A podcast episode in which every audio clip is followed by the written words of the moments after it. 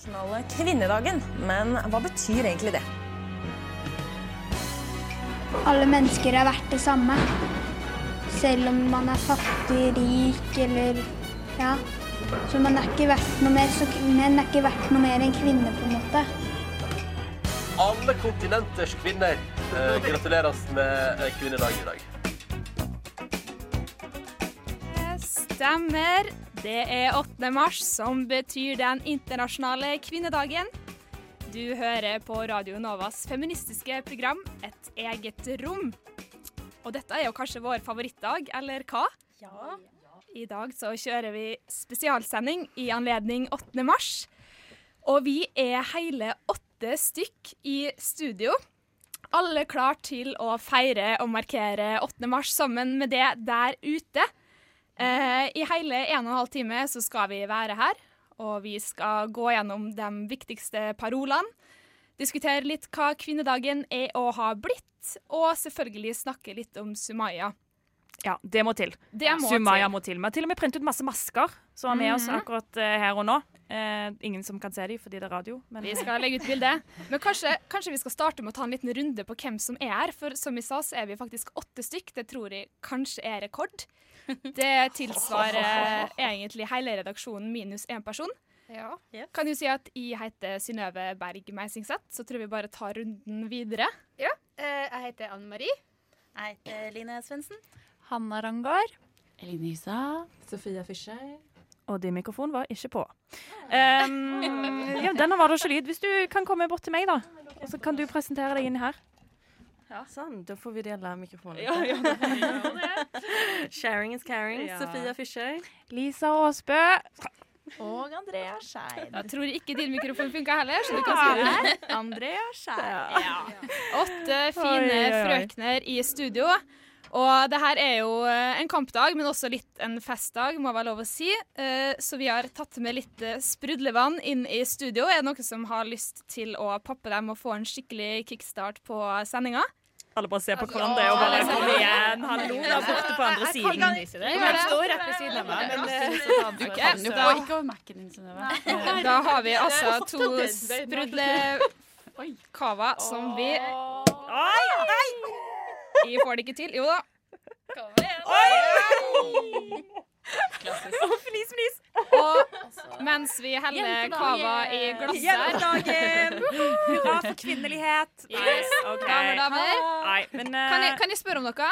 Ja. Har dere noen faste 8. mars-tradisjoner?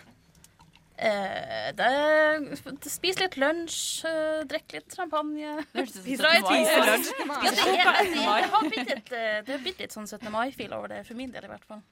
Det har det. Ja, det er jo litt sånn eh, Man får i hvert fall våkne med litt sånn sommerfugler i magen. Ja. Ja. ja, men det gjør jeg også. Jeg også I dag så var jeg liksom veldig veldig trøtt når jeg våkna, eh, så, da, så da tok det litt tid før de sommerfuglene kom. Men eh, de kom, og de er her nå. De er her nå. Oh, de er her nå.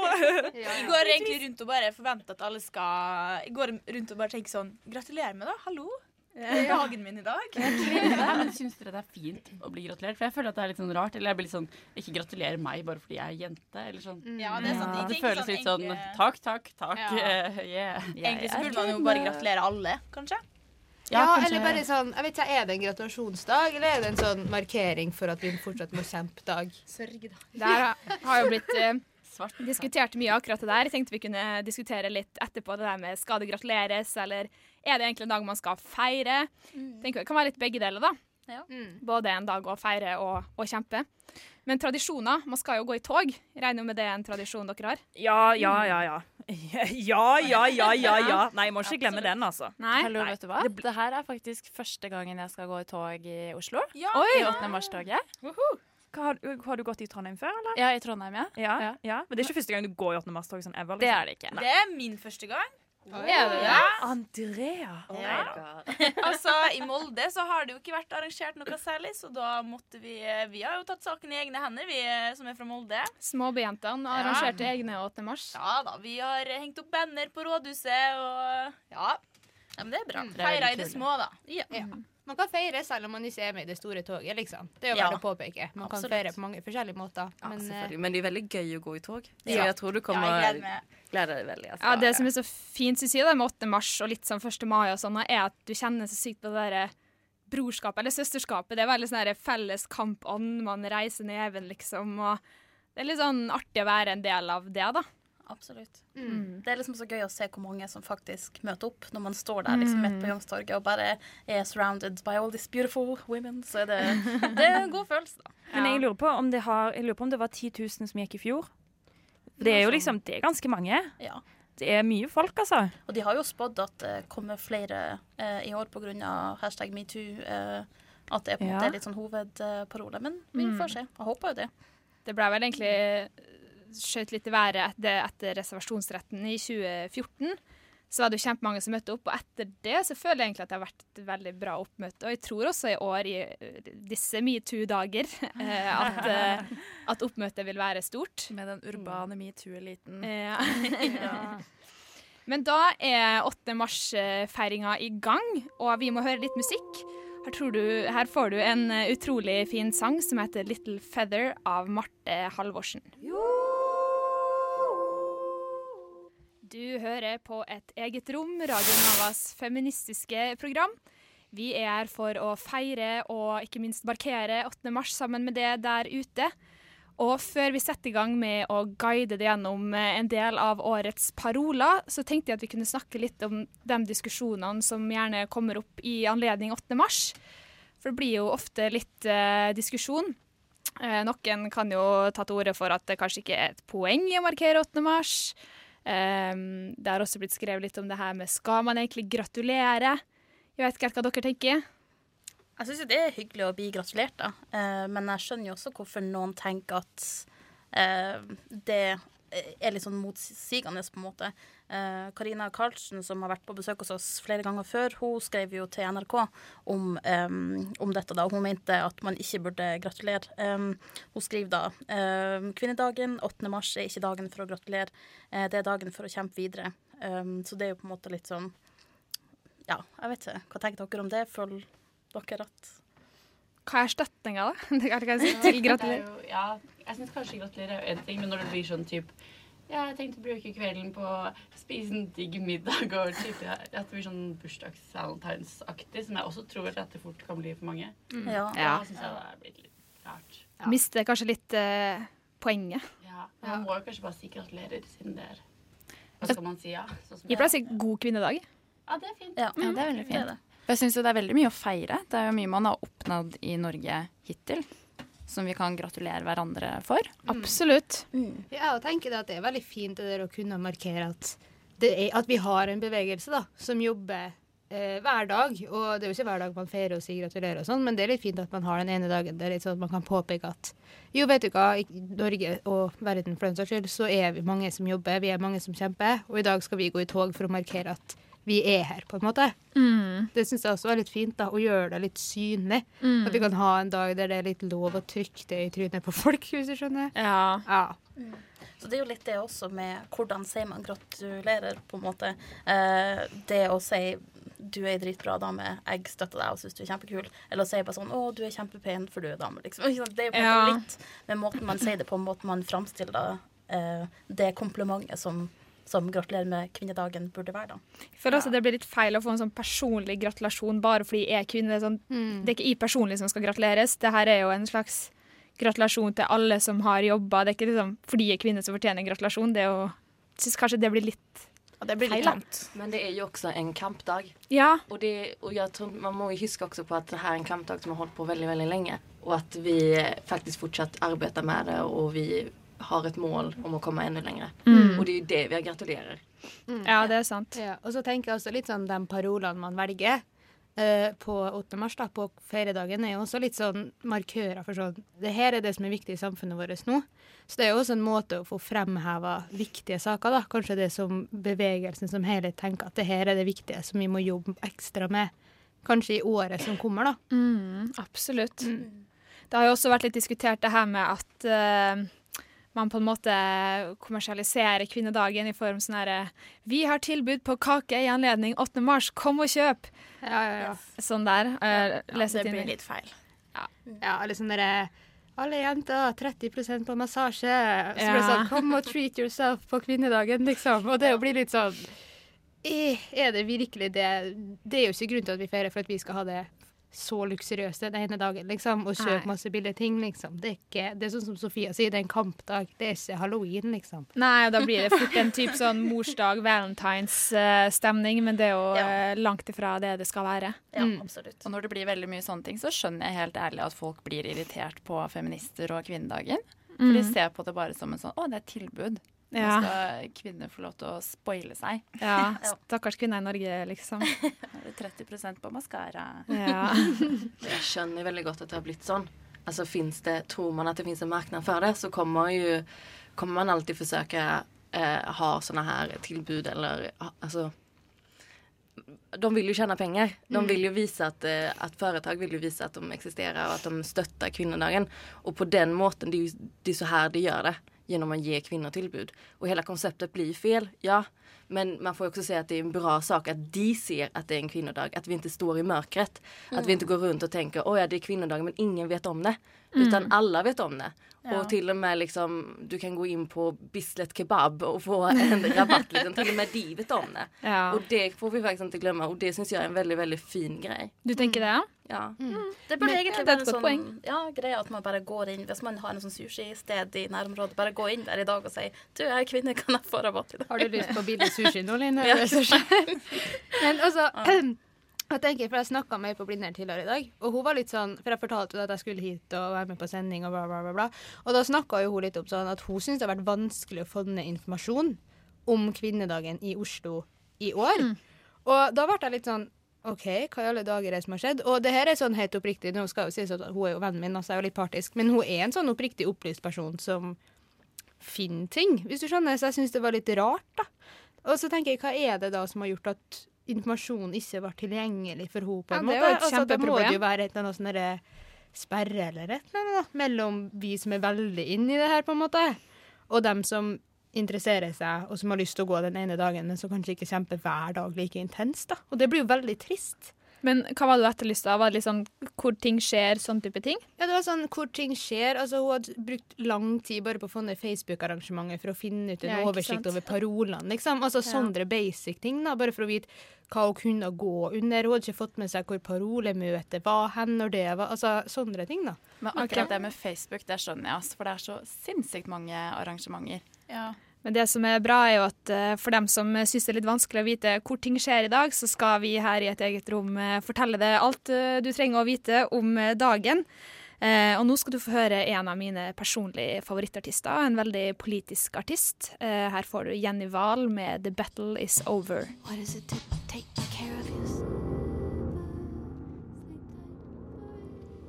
The battle is over, synger Jenny Wahl.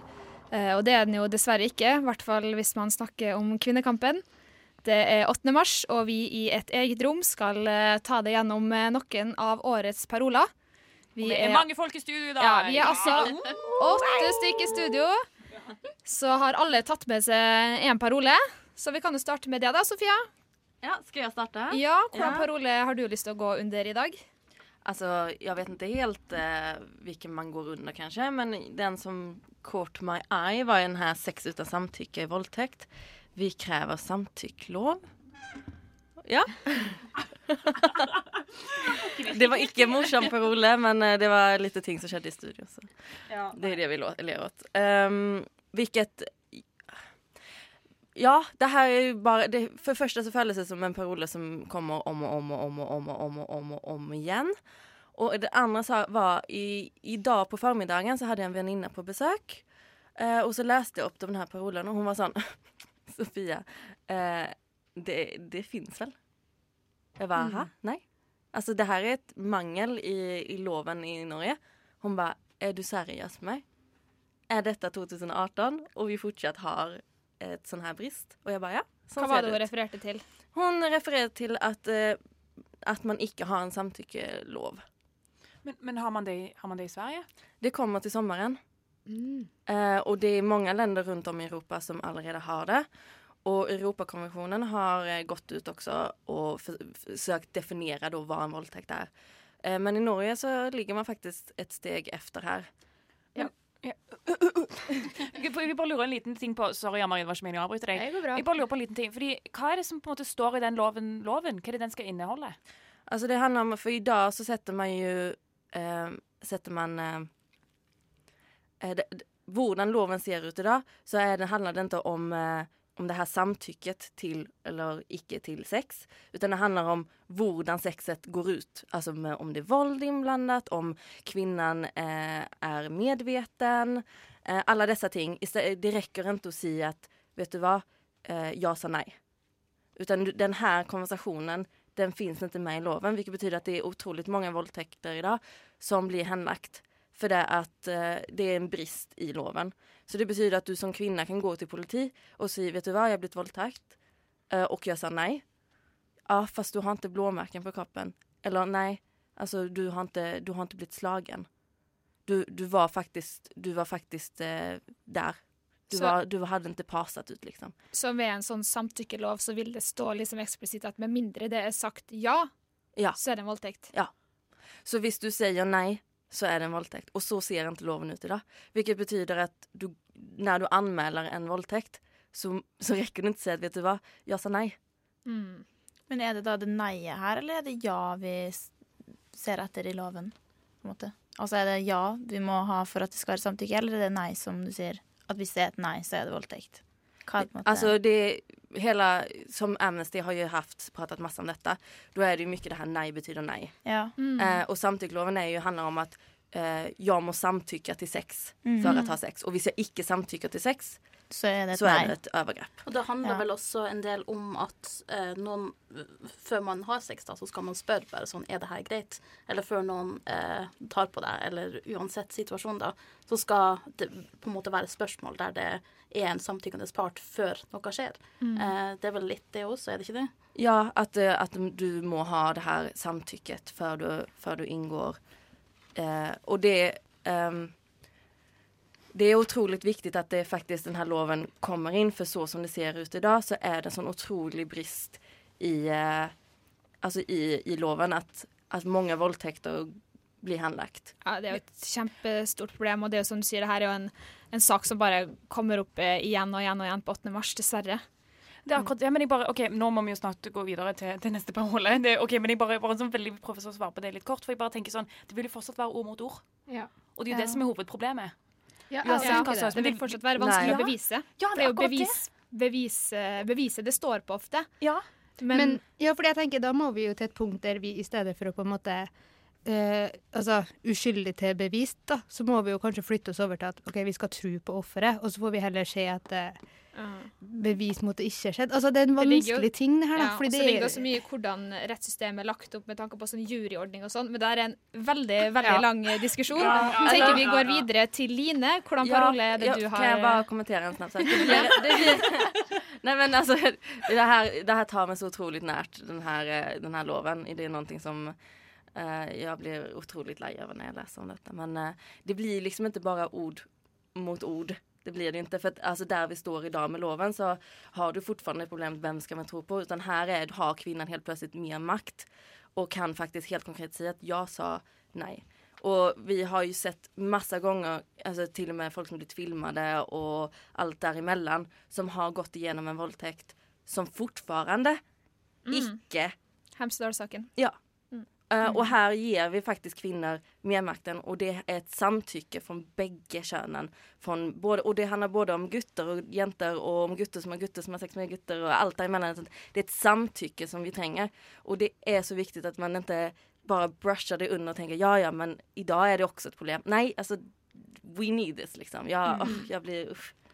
Ja.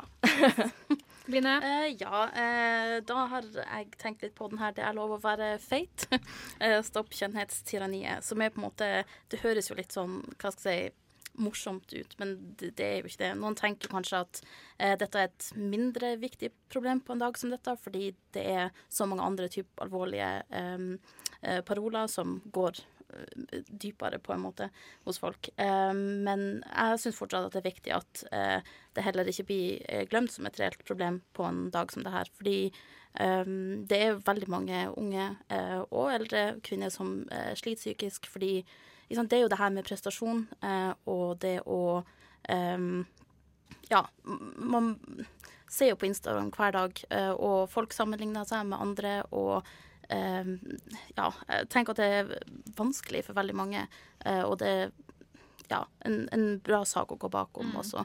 Fordi vi har jo sånn så um, um, Ulrikke Falk og Karine Karlsen, som også aktivt er på Instagram, som en sånn motbølge med kroppspositivisme. Um, og det kommer jo flere og flere av de her, men det er jo fortsatt eh, ja, Kardashian-søstrene, eksempel, som er en stor del av Instagram eh, og har masse millioner følgere.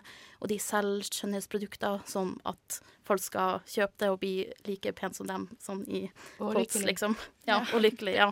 De promoterer en sånn livsstil da, som ikke er eh, Ja, det er jo ikke vanlig, det er jo ikke vanlig for folk å på en måte skal leve på den måten. Og det at de skal, unge skal streve opp mot sånn type ideal, da, blir veldig feil, syns jeg. Det er vel Jentefronten som har den, eh, den parola. De er jo ganske flinke til å ha paroler som når ut til spesielt unge jenter. Så Mm. det er jo kjempebra at unge jenter legger mye av sin verdi som menneske i liksom, utseendet, er jo kjempebegrensende. Absolutt. Og så tenker jeg også at litt av altså selve formuleringen til parolen med 'de har lov å være stygg' eller 'de har lov å være feit', som sikkert du fant som eh, forslag, men den, den som er vedtatt, i lov å være stygg', er på en måte det der med at man eh, snur de begrepene som på en måte er så Det er det verste du kan si til, en, til, en, til noen, at de er enten feite eller stygge. Men det sier jo ikke noe om deg, det er på en måte en karakteristikk av hvordan du er. Men akkurat som at det, de, der, de begrepene er så lada, at det er liksom det verste du kan si. Eh, og så handler det litt om å snu de begrepene til noe annet, da. At det ikke blir et sånt der det verste du kan si, liksom. Du som er sliten og sinna og lei. Nå vil vi synge ei vise til deg om at kvinner kan si fra, protestere og slåss. Bli med hos oss. Du hører på Et eget rom. Likestilling kommer ikke av seg selv. Da hører du på Et eget rom. Vi skal fortsette å ta det gjennom eh, viktige paroler som man kan eh, gå under under eh, årets 8. mars-tog her i Oslo. Og Andrea, jeg syns den parolen du har tatt med deg, eller hva jeg si, var ganske spennende. Ja, jeg har da valgt ut parolen som sier 'kvinnekamp er klimakamp, klimakamp er kvinnekamp'. Og jeg tror det er Spire som har kommet med det forslaget. Og det syns jeg er litt interessant, for det er på en måte kanskje noe man glemmer litt. da. At uh, kvinnekamp kan være så mangt. Så eh, det har vært litt skriverier om det her. Og eh, ja, det er jo det at uh, klimakrisa og miljø, altså det, det påvirker jo kanskje ikke oss så fryktelig mye, men det er jo da dessverre de fattigste som rammes av det her. Og uh, det er jo millioner av mennesker som er drevet på frukt på fl flukt, ikke på frukt, på grunn av det her. Eh, og da er, går det som regel eh, verst utover barn og kvinner. Så det er jo absolutt eh, eh, en viktig kamp, det òg. Og kanskje også de mest marginaliserte kvinnene av alle kvinner i tillegg. Liksom. Ja, ja eh, jeg bare tenker, jeg synes det er veldig fint at man kan på en måte At man sprer seg utover og på en måte snakke om de generelle sakene som også er, er større, og man kan knytte mm. ting sammen. Og at det er formulert på den måten. At det er på en måte kvinneklamp, kvinne, kvinnekamp, ja. Kvinnekamp er klimakamp, klimakamp er kvinnekamp. Mm. Ja, det syns jeg er veldig kult. Ja. Ja, og så tenker jeg også det at det er jo uh, veldig internasjonalt, og det syns jeg også er litt fint, da, i og med at det er jo den internasjonale kvinnedagen. Selv om, altså selv om vi sitter i Norge, som du sier, da, der det ikke påvirker oss så veldig mye, så er det fint at vi har med en sak som går uh, ganske mye bredere.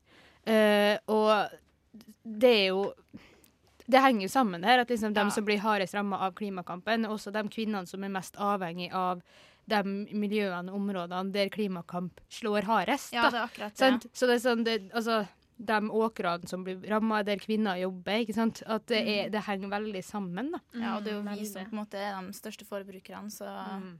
vi kan jo sitte, bare sitte her i forbrukersamfunnet vårt mens det går verst utover dem. Og det er jo ikke helt uh, bra. Jeg har inntrykk av at også den der miljøbevegelsen og kvinnebevegelsen liksom starta opp på litt samme tid, eller blussa opp på litt samme tid, litt sånn på 60-70-tallet.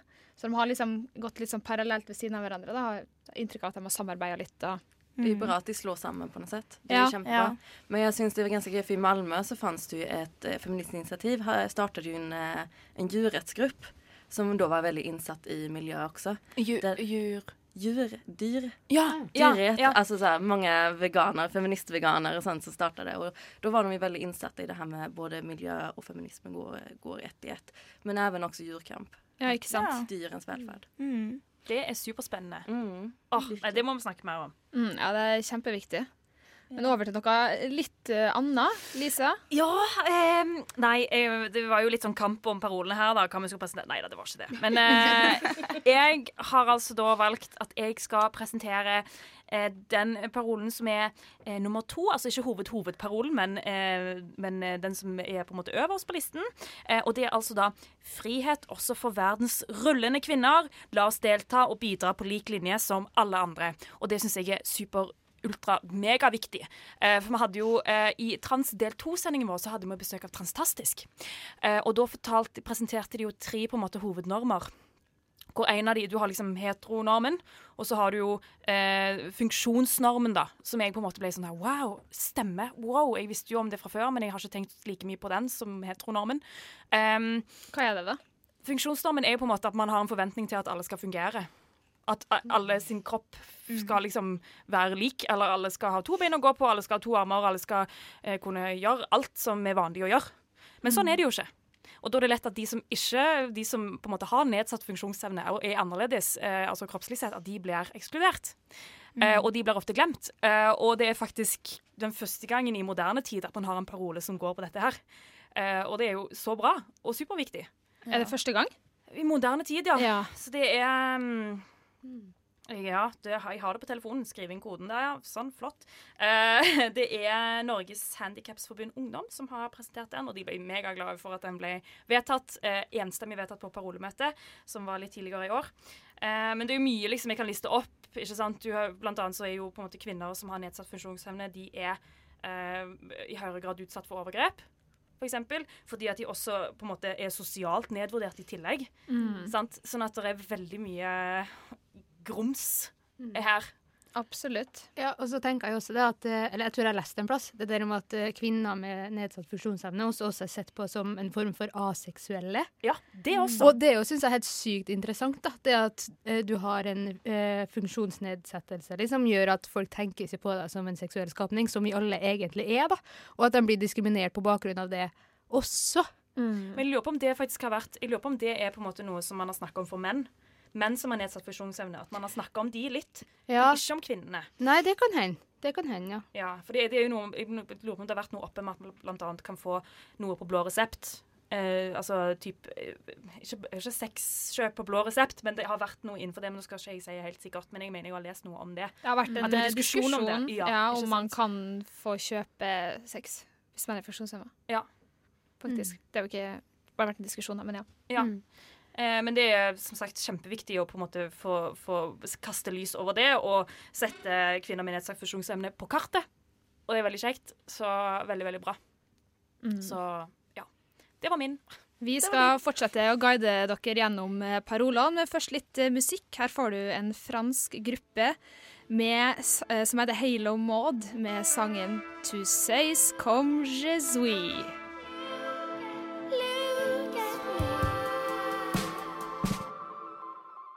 Der hørte du de siste tonene av sangen 'To Says Come je suis, eller noe sånt, eh, av det ikke sjokkerende franske bandet. Eh, vi i et eget rom markerer 8. mars og guider gjennom årets paroler, eller i hvert fall noen av dem. Det er vel 25 totalt, og vi er åtte stykker i studio, så vi har da tatt med oss åtte paroler. Nå har vi kommet til hovedparolen, hoved, hovedparolen, som heter hashtag metoo, fra taushet til kvinnekamp.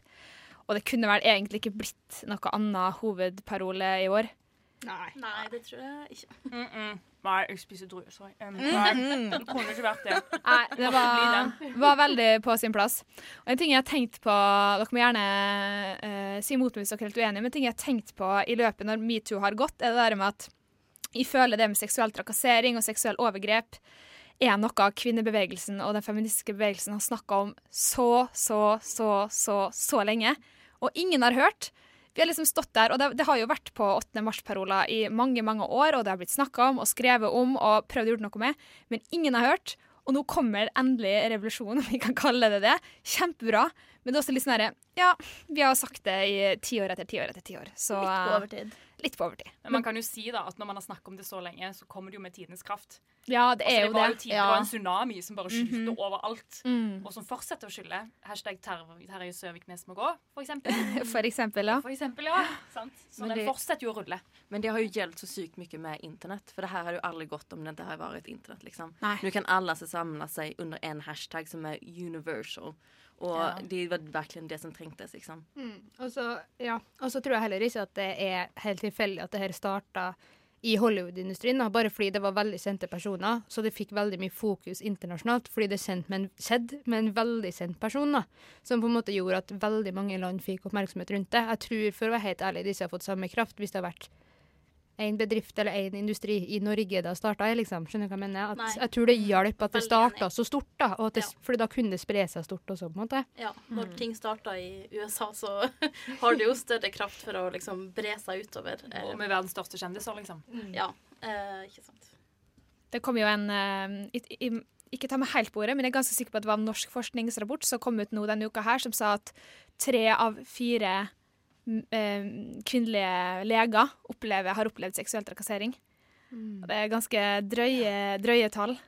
Det er jo et sykt drøye tall. Det var mye. Eh, og jeg, altså, også, jeg vet at, altså, at sykepleierne at man begynner å, savne, at begynner å slå, ta et, slå et slag, ta i et tak, for å få inn altså, at man skal snakke om det på sykepleierstudiet. da, fordi det ble jo ikke snakka om, og det ble vel heller ikke snakka om på medisin.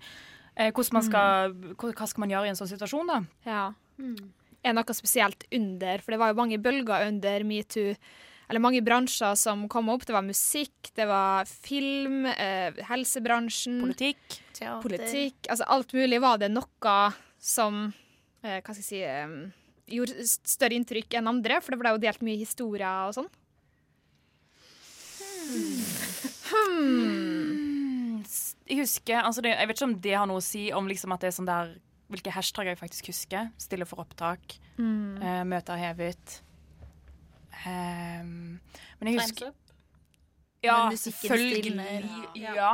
Uh, ja, nei, det, jeg syns alle gjorde veldig mye inntrykk, fordi det bare å sitte og lese de der forferdelige historiene. Det, det, det var nesten sånn, det, det var så mye at du ble helt vant til det. var sånn, å ja, ja, det var en som sto konna ned i buksa di. Ja, ja, I heard it before, liksom. Det var nesten Men- litt sånn. Ja, men vet du, jeg vil, jeg vil påpeke at for vi hadde jo en sending om det her, og jeg og Andrea, og da hadde vi jo besøk av Ragnhild Harbo.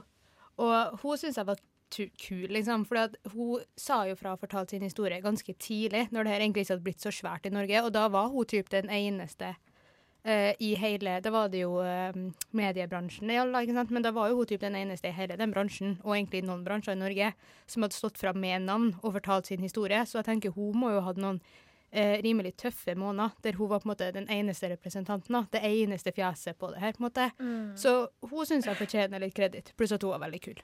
Ja. Ja. Hun, ja. Kjempeflink. Hun ja, Men hun har også kanskje en av de historiene som jeg faktisk konkret husker. Ja. Eh, ikke at jeg ikke, men det er fordi at man, når man står fram med navn og man får et ansikt på en historie, så er det lettere å huske den også. Ja. Eh, sånn at eh, akkurat Det er typisk at det er de første historiene som setter mest inntrykk, og da er det jo ja, Som sånn det- Ragnhild, da, for eksempel. Det viser jo også hvor sterk kvinnebevegelsen er. At, vi, at folk har stilt seg bakom. At det bare har blitt så stort. Liksom. Altså at kvinner rundt om i hele verden setter ned foten. And enough is enough. Liksom. Eh, det syns jeg er helt amazing. Det er så inspirerende å se så mange kvinner stå bakom hverandre. Og ja. Vi føler også mange menn har tatt del. Ja, altså, det man sant. ja. Det syns jeg er veldig fint med den kampanjen. At den, eh, altså den, den Det ha, sier jo ingenting om kjønn, akkurat hashtag metoo. på en måte. Det, det kan jo være menn som opplever trakassering eller overgrep også. Mm. Og at man også kan skrive Eller at man kunne skrive hashtag metoo på vegne av andre som har opplevd ting, hvis ikke den personen sjøl ville dele. Så ja, jeg syns det var en veldig sånn åpen, romslig eh, kampanje, da. helt enig. Så, men så altså, bare tenk litt angående det du sa, Sofia. Eh, Sofia eh, om dette her med denne bevegelsen, da. At man på en måte får mobilisert litt, eller veldig kraftig, egentlig. Mm. Så tenker jeg at det å kjenne på det fellesskapet Mm. er så utrolig fint. For det er, ofte, det er ofte sånn at du gjerne føler deg litt alene om disse tingene. Ja. Mm. Eh, og så da er det så sykt empowering da, å kunne liksom virkelig kjenne på at OK, vi er så mange. Nå er vi Mm. skikkelig skikkelig mange. og Det er litt samme følelse man får på 8. mars når man går i tog. At man ser fjesene på alle de andre som sitter og tenker det samme som deg, og som tar den samme kampen som deg. Og det er utrolig fint.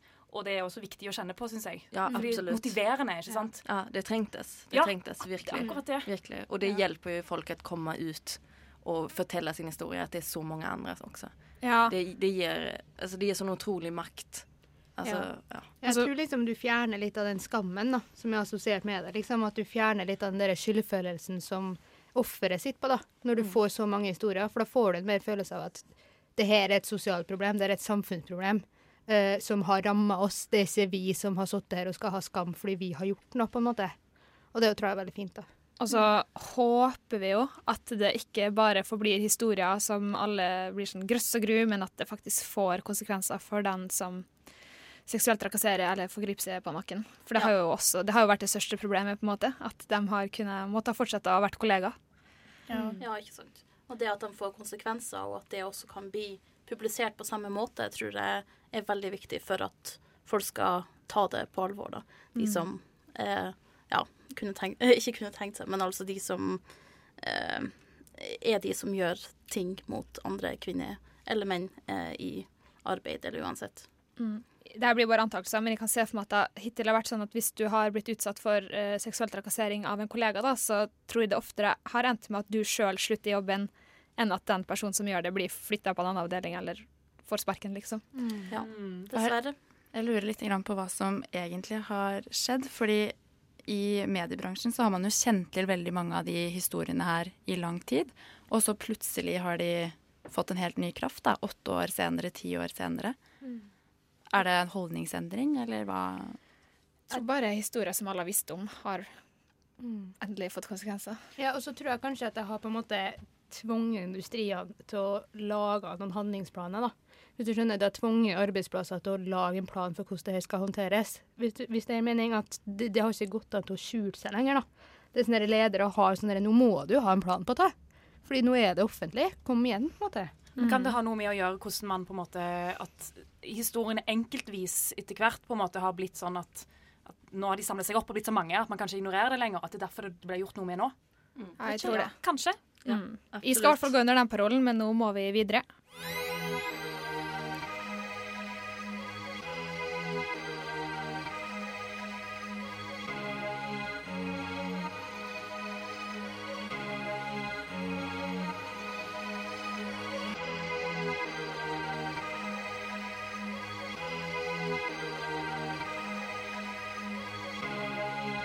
Siden 1982 har Radio Nova gitt deg favorittmusikken din, før du visste at du likte den.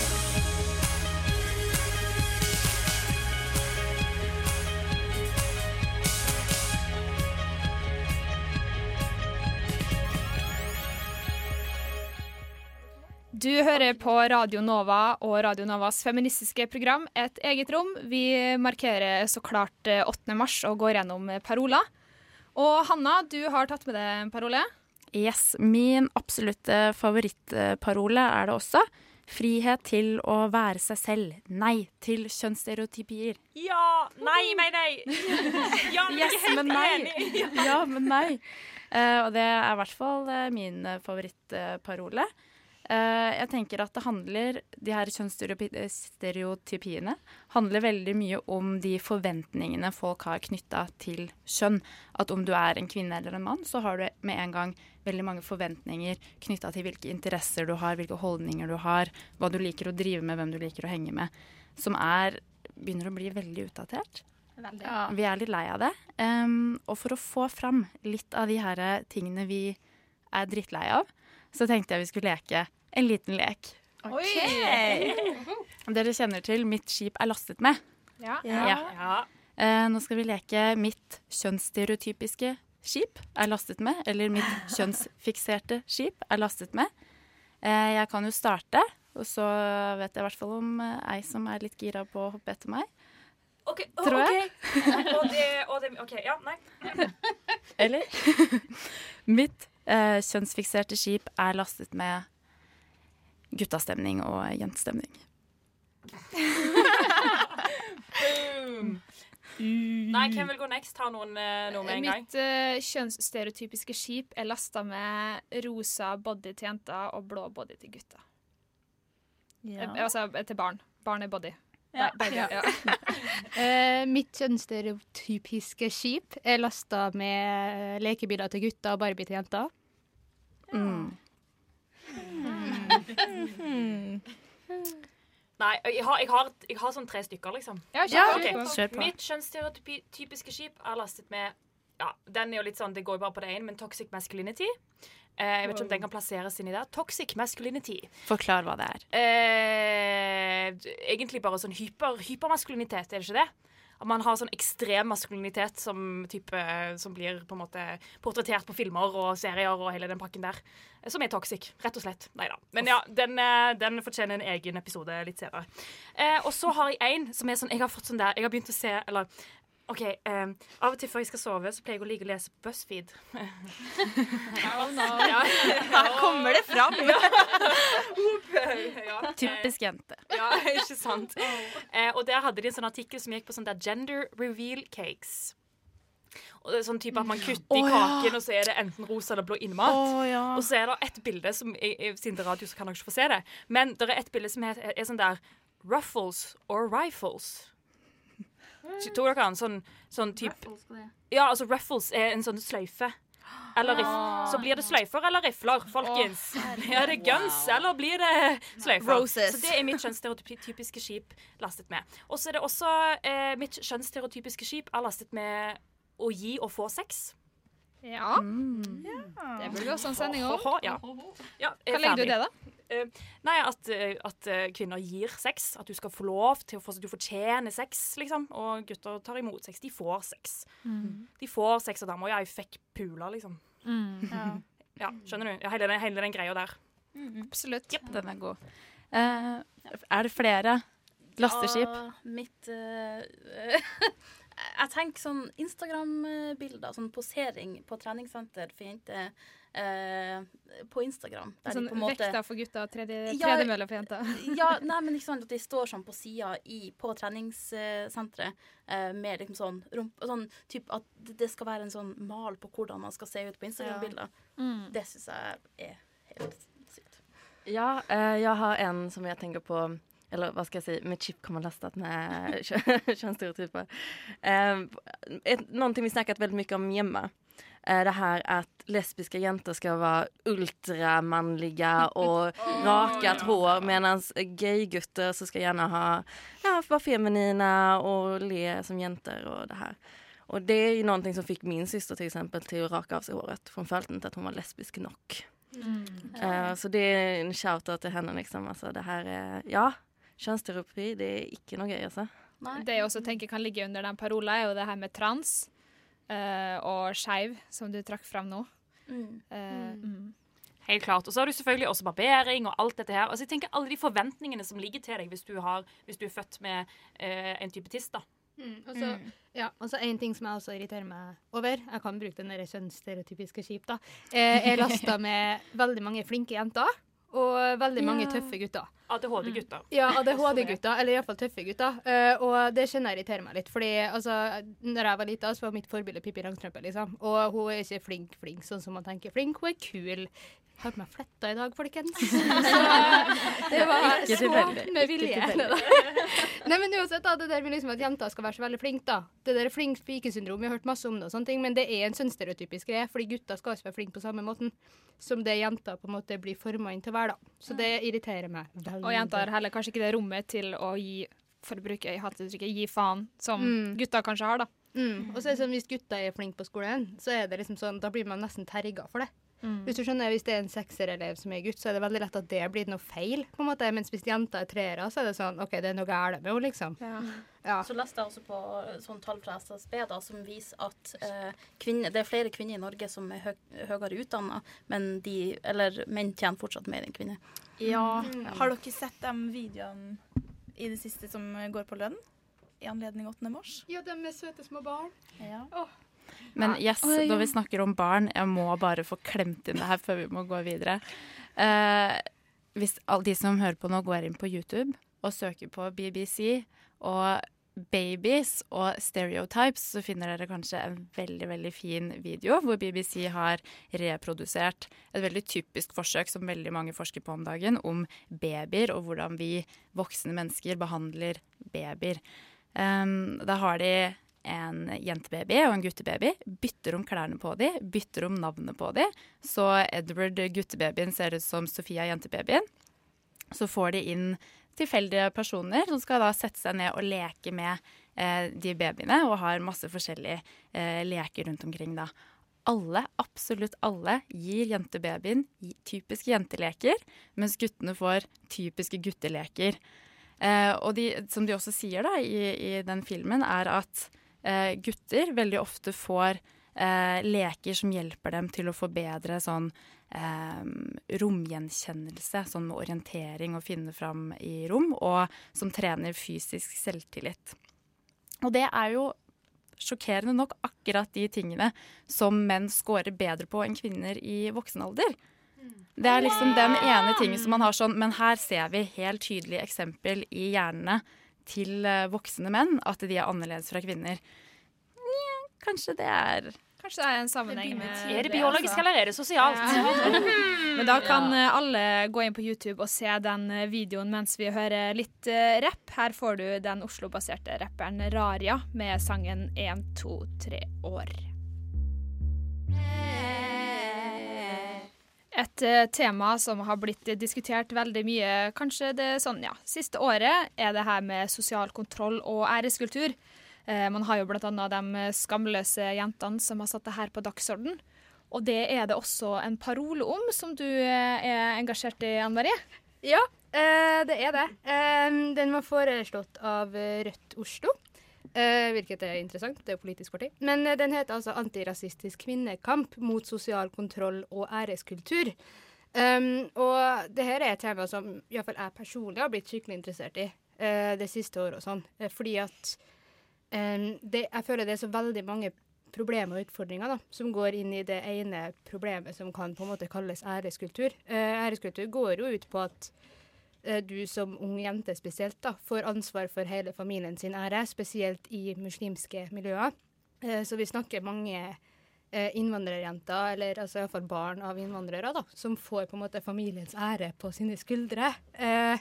Og det fører til masse sosial kontroll fra familie, fra slekt, til og med fra venner som bare Altså, jeg så datter di på fest i helga, og så sladrer de til foreldrene. ikke sant? Altså, Det er liksom sånn kontroll, det er overvåking. Eh, det er masse skam ikke sant, involvert i det. Bare av at du tråkker én tå over, så føler du deg superskamfull. ikke sant? Eh, det er ryktespredning, og i verste fall så kan det jo føre til så drøye ting som æresdrap. Altså Mm. at det er visse familier som heller vil ta livet av et familiemedlem enn å ha det i familien, fordi det har begått noe som de tenker på som såpass eh, skamfullt at de vil ikke ha familiemedlemmer med det, liksom. Og da er det i hovedsak jenter dette her Ja, retter seg mot. Jeg husker tidligere i Nei, det var i fjor høst så var jeg og så den filmen på kino som heter Hva vil folk si? Ja. Og den retter seg jo rett på dette her, som du nå snakker om, Anne Marie. Mm. Eh, så den kan jo bare anbefales. Jeg kan jo bare si det. Jeg tenker det er utrolig mye ansvar å bære for én person. All den her æra. Ja, og så tenker jeg sånn, Vi vet jo allerede at det er tungt, eller tungt, vanskelig i hvert fall å være ung jente og skal finne seg sjøl og seksualitet og pubertet og alt mulig sånne ting. liksom. Og så skal du putte den der æreskulturen oppå i tillegg. da. For det som skjer, er at du får jo ikke mulighet da, til å utforske din egen identitet, din egen seksualitet. Fordi du får ikke lov til å utforske, prøve litt grenser. Eh, fordi du tør ikke. Fordi det er så mye ære eh, involvert i bildet. da. Mm. Det, jeg tenker på denne debatten her også, at eh, for meg så var det egentlig ganske nytt At jeg var overhodet ikke klar over at eh, det var såpass eh, Altså at det var så stort her, her i landet òg, da. Eh, så det syns jeg var veldig ja, overveldende og sjokkerende å på en måte få innsikt i det her, da. Det er, vel, Mm. det er vel litt det som også blir så vanskelig, at det, det blir en sånn syk kulturkrokk, Liksom. Ja. Mange av disse kvinnene er jo faktisk, eller jentene er jo født i Norge og er norsk, men som har kvar den här æreskulturen som setter sätter Mm. utrolige begrensninger på dem. Mm, ja, også, men bare for å gå litt videre også, da. Eh, så er det jo det at eh, forslagsstiller her, da, Rødt, eh, eller Oslo Rødt, mm. snakker litt også om det at vi er nødt til å tørre å utfordre og si fra når vi oppdager æreskultur, og si fra når vi ser at kvinner, eller unge jenter, da, blir eh, behandla feil. Og da har du den der balansen da, mellom at blir vi kalt rasister nå fordi vi sier fra om noe, eller har vi lov til å si fra fordi eh, unge jenter blir liksom overvåka, kontrollert, bla, bla, bla. bla. Så uten å gå inn på den debatten her i dag, for det tror jeg ikke vi har tida til. Men det er iallfall et veldig stort spenningspunkt der, da, mellom hva kan vi egentlig gjøre som utenforstående, som ikke er en del av den kulturen. Så tror jeg også mange av de jentene opplever veldig sånn eh, kulturkrasj, for de føler seg kanskje ikke helt hjemme i den eh, i kulturen rundt familien og sånn, men så blir de også møtt med spørsmålstegn i den norske kulturen, så blir det veldig sånn identitetskrise, da. Og akkurat, eller litt, det her skal vi snakke om litt senere når vi skal inn på Sumaya, eh, som har vært mye diskutert i det siste. Eh, men for to uker siden så var jeg og du, Andrea, på Jeger, et eh, utested i Oslo, og så artisten eh, Jungle Pussy. Og er en eh, feministisk rapper fra Brooklyn. Eh, veldig kul. Og her får du sangen 'Pop for You'.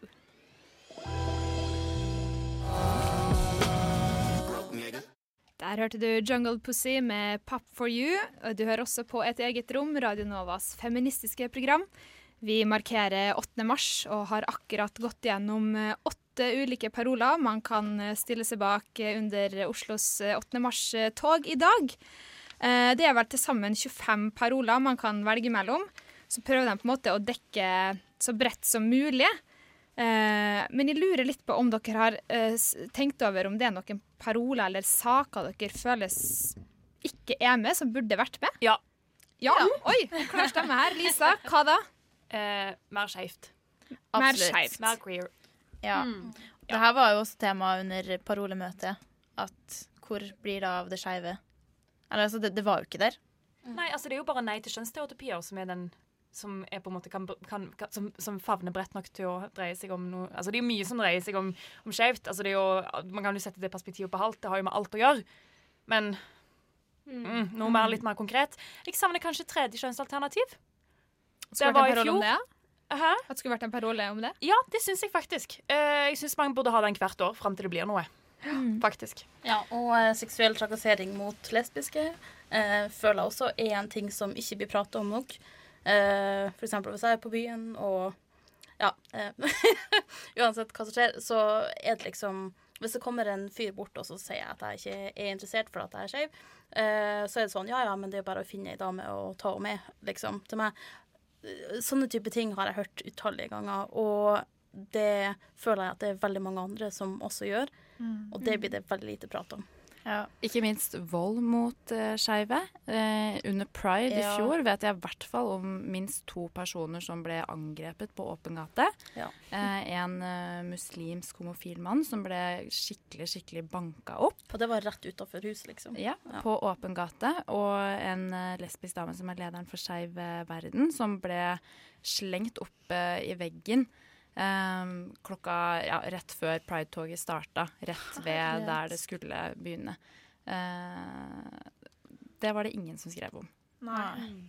ikke Vi vet at uh, Skeiv Verden uh, sammen med FRI, Skeiv Ungdom, Hiv Norge, uh, Pion, Snu og Transforsvaret i dag faktisk skal gå under en parole som de kaller Lytt til oss. Som da på en måte blir deres uh, Det blir det skeive bidraget i toget, da, kanskje. Og de krever da at stemmene til transpersoner og, og sexarbeidere skal lyttes til innenfor norsk feminisme. Ja, for jeg tror jeg at uh, transpersoner og sikkert og homofile føler seg veldig ekskludert. Ja. Fra den feministiske bevegelsen.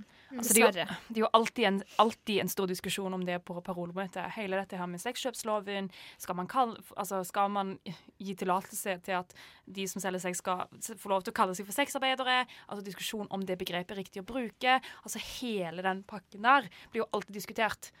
Eh, Det var og- det i år òg. Ja, og det var mye forslag fram og tilbake. Og ja, det er mye man kan si om det, men eh, Nå skinner det sikkert veldig gjennom hva jeg, hva jeg sjøl mener, men det var ikke meningen, det. Men det er jo litt sånn Ja. Det er jo dumt at folk ikke føler, seg, at folk ikke føler at de blir inkludert, tenker jeg da. Det, Det er et de stort problem som den feministiske bevegelsen må ta tak i. Nå skal vi straks snakke om Sumaya Jirde Ali. Du hører på et eget rom.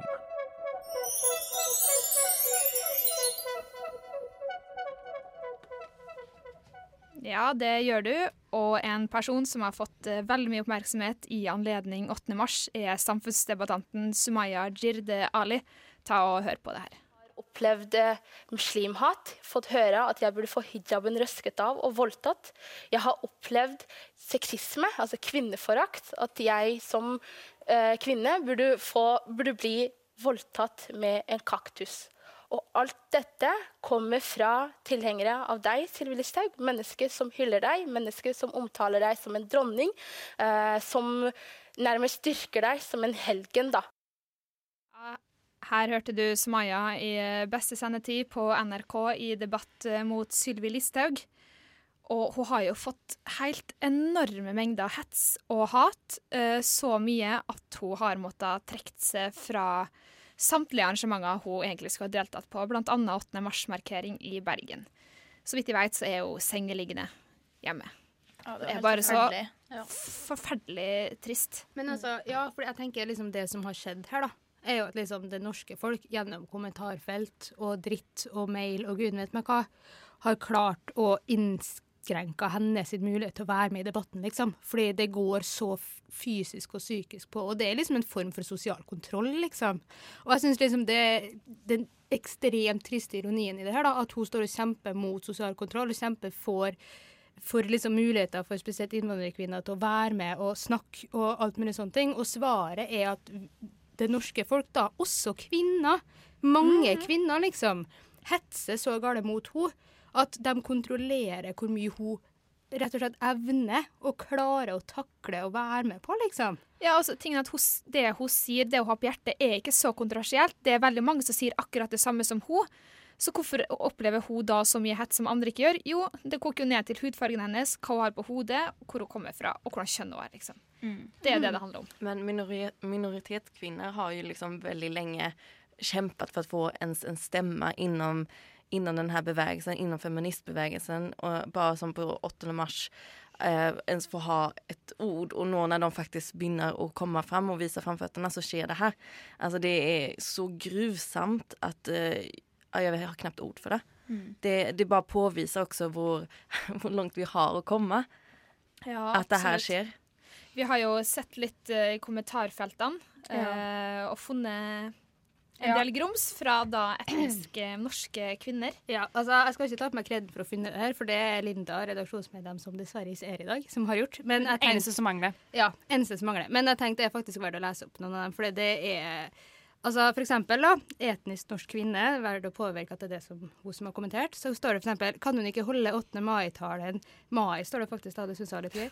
Eh, talen i moskeen. De trenger det bedre enn vi norske kvinner. Der kan hun banne og steike så mye hun vil. Eller så har du sånn Hun har ingenting å gi Det er også kvinne. Uh, hun har ingenting å gjøre på 8. mars. Her har vi kjempa flere tiår for aksept for at menns seksualitet ikke er kvinnens ansvar. Hadde en norsk kvinne hevda at vi må pakkes inn, så hadde hun aldri vært invitert til 8. mars. Altså, skjønner du hva jeg mener? Det er heit, Altså, 8. mars er kvinnedagen, hun har, hun har ingenting med det å gjøre. Gå tilbake til Somalia, der du kommer fra.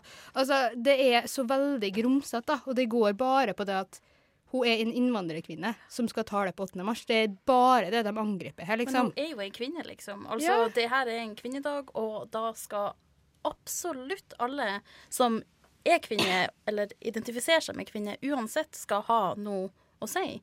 Og Mm. det er så det, det er bare så utrolig kjipt at folk eh, oppfører seg på den måten. Det er akkurat det. Og så er det jo også litt dette her med at eh, en av de store sakene, og som noe som er veldig, som folk er veldig opptatt av, og som er veldig viktig, eh, som har vært det de siste årene, og som egentlig, egentlig burde være, bli enda viktigere, er jo dette nettopp med minoritetskvinner. Og da er det ikke sånn at folk har ikke fått det med seg. At det er faktisk en, en, en, en gruppe i Norge som blir utsatt for mye skitt. Eh, og derfor skal også de løftes fram Ja. og gis rettigheter. Sant? Mm. Ja, for jeg tenker, for det første så er jo eneste parolen jeg har funnet, i hvert fall, det kan jeg tar feil nå, som i nærheten av går på det her, er den vi snakka om i sted. Den mot sosial kontroll og eh, æreskultur. Og for det andre så føler jeg da at det er en sånn derre avstand mellom dem som typ blir sett på som etnisk norsk, og dem som er minoriteter. Og at det er litt sånn, vi som er etnisk norsk, vi har lov til å benytte oss av ytringsfrihet så mye vi bare vil.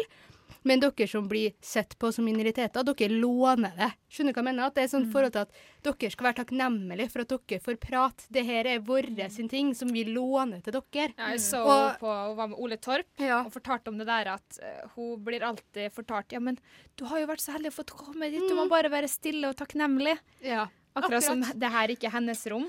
Den Men har- ytringsfriheten gjelder ikke hun. Ja, man har hijacket kvinnodagen og ser det som sin egen dag som kun er meg og mine vita norske folk som får lov å være del av. Og det er jo bare helt på trynet. Det her er en internasjonal kvinnodag. Mm. Det er ikke en eh, etnisk norsk kvinnodag.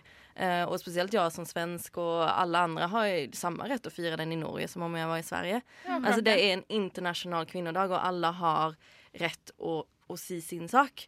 Ja. Eh, och att vi kom, har kommet så her langt, Det, det, altså det, det er så latterlig, helt ærlig talt. Og minoritetskvinner har jobbet så lenge nå med å få plass Mm. i det her rommet, Liksom.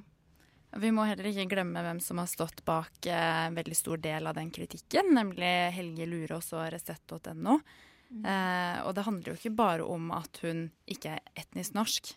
Eh, det handler jo om at hun er en ung kvinne, eh, og at hun er, bruker hijab. Eh, og at da det venstrevridde media har dyttet henne fram foran seg for å kunne si ting som de egentlig mener, men ikke tør å si. Og at hun er et uangripelig offer som det er helt umulig å debattere imot.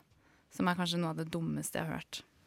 Ja, men det er jo en sånn sak, det er jo en sånn syn som man har, spesielt her i Skandinavia, at om, om du er religiøs, så kan du på noe sätt være vara feminist. Mm. Eller da kan du ikke ha, you know, tro på kvinnebevegelsen og sånt. For religion går ikke ihop med politikken. Det går ikke ihop med det å stå fram og være tøff og sånt.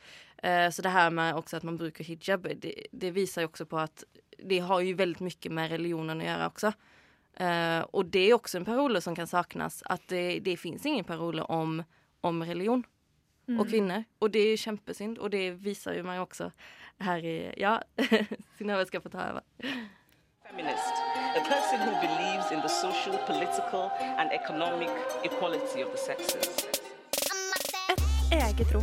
Et eget rom. Et eget rom. Et eget rom. Et eget rom.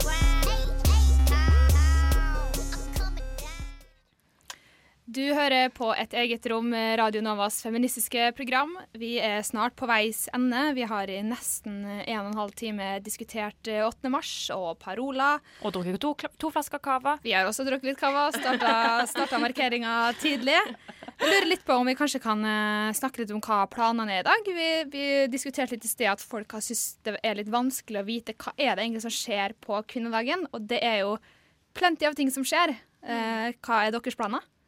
Jeg tror vi skal gå i tog. Ja, togene skal gå i tog her. Starta altså men, men en ting som er litt spesielt for i år, er at man, vi har printa ut Sumaya-masker.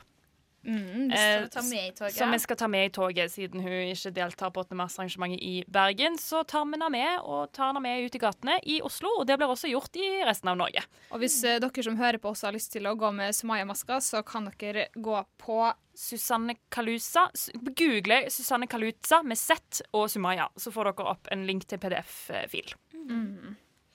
Og utover det så vet jeg at Kulturkirka Jakob skal ha et uh, arrangement med kvinnelige artister, tror jeg.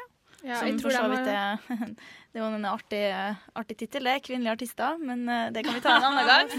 Eh, Og så skal Ingensteds arrangere et eller annet.